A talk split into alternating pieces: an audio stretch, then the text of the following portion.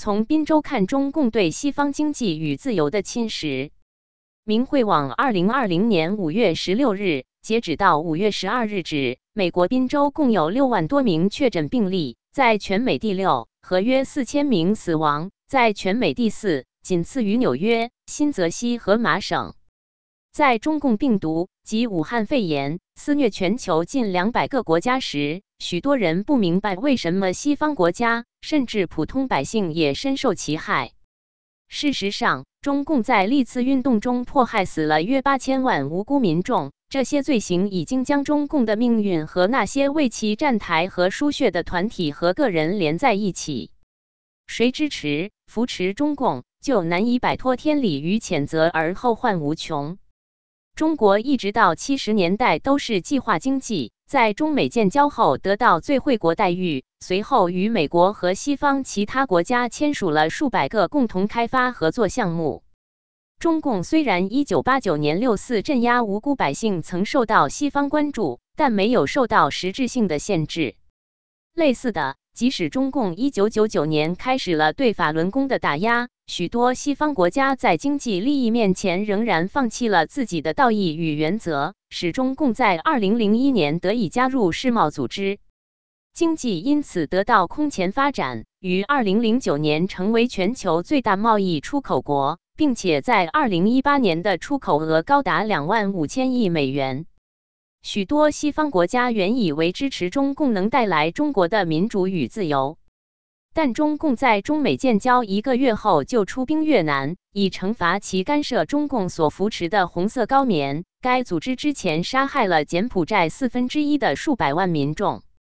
其后六四和对法轮功的镇压，以及对民众的打压与监控有增无减。而强大的经济实力使得中共除了在国内欺骗与镇压意见人士外，在国外也大行其道。操控联合国与世卫组织等机构，让其丧失自己的原则，从而造成病毒迅速扩散到全球。本文以美国宾州为例，旨在分析中共对西方自由市场的渗透和对自由精神的侵蚀。一、用股票与共同基金为中共从西方社会吸金提供方便。据新闻机构 QC 点 com 于二零一九年十二月十八日报道。中国金融公司蚂蚁金服 Ant Financial 与滨州的先锋集团 Vanguard Group 在理财上达成协议。蚂蚁金服旗上的支付宝 Alipay 已经超过十二亿用户，而先锋集团共有约六万亿美元资产，是全球最大的共同基金 Mutual Fund 供应商和第二大交易所交易基金 Exchange Traded Funds ETF 供应商。这项新的报务项目将由蚂蚁金服来操作，先锋集团则提供投资与资金分配策略等方面提供帮助。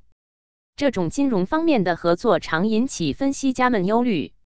二零二零年五月六日，《华盛顿邮报》的一篇文章介绍说，纽约的名胜指数 （Morgan Stanley Capital International Index，MSCI） 是金融界常用的股票基准指数之一，全球约十二万亿美元资产以此作为投资基准。由于中共操纵股市的不稳定性与税务等原因，它一直将中国大陆股票排除在外。但在二零一七年起，名胜指数开始接纳中国股票，富时罗素指数 （FTSE Russell Index） 与标普道琼斯指数 （S 与 P Dow Jones Indices） 随即也开始包括中国股票。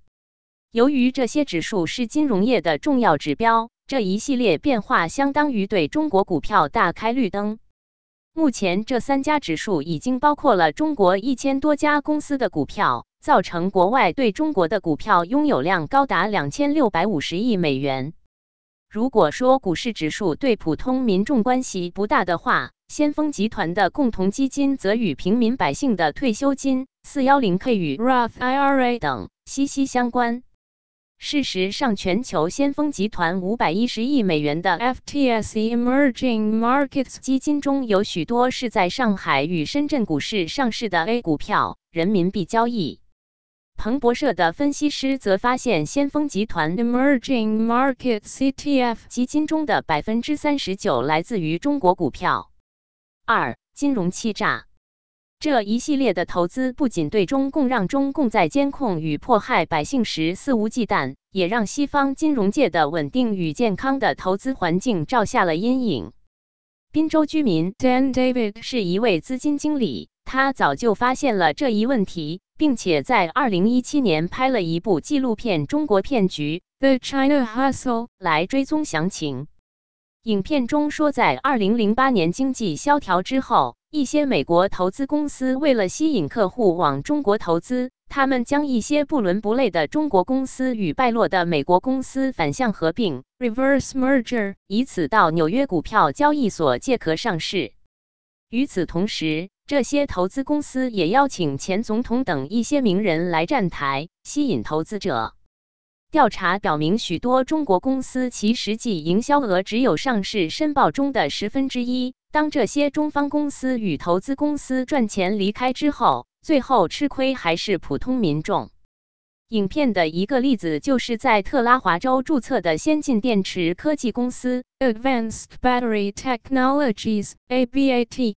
该公司在上市后集资近九千万美元，曾一度市值两亿五千万美元。在欺诈被发现后，该公司被 Nasdaq 退市，但并没有就此通知持股人。反而以新闻发布等方式继续欺诈，这种反向合并来欺骗的情况出现了很多。纪录片中说，中国公司总裁因欺诈而判刑入狱的只有四十分之一。许多案件即使报告给了联邦调查局 （FBI），但由于是境外公司，所以也没有下文。三、收买教育界。据费城问询报。The Philadelphia Inquirer 二零二零年二月二十四日报道，常春藤名校宾夕法尼亚大学于二零一三年到二零一九年间接受了约二点六亿美元的国外资金捐赠，其中捐赠最多的来自于中国。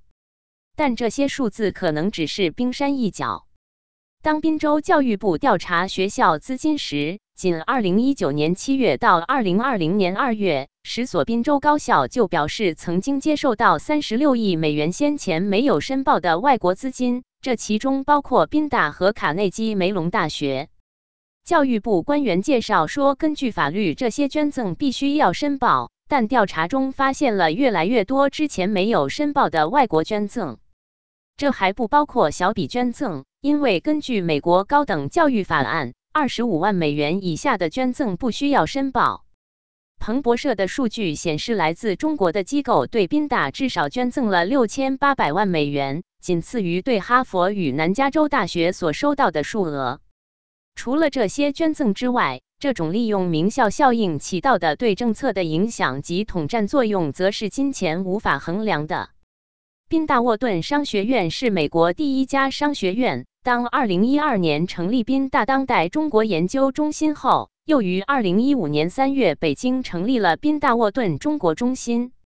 中国驻纽约总领事于2016年7月前来参观时，专门强调了第七轮中美人文交流高层磋商成果清单中的多项教育领域合作项目，并希望宾大不断加强与中国高校的交流与合作。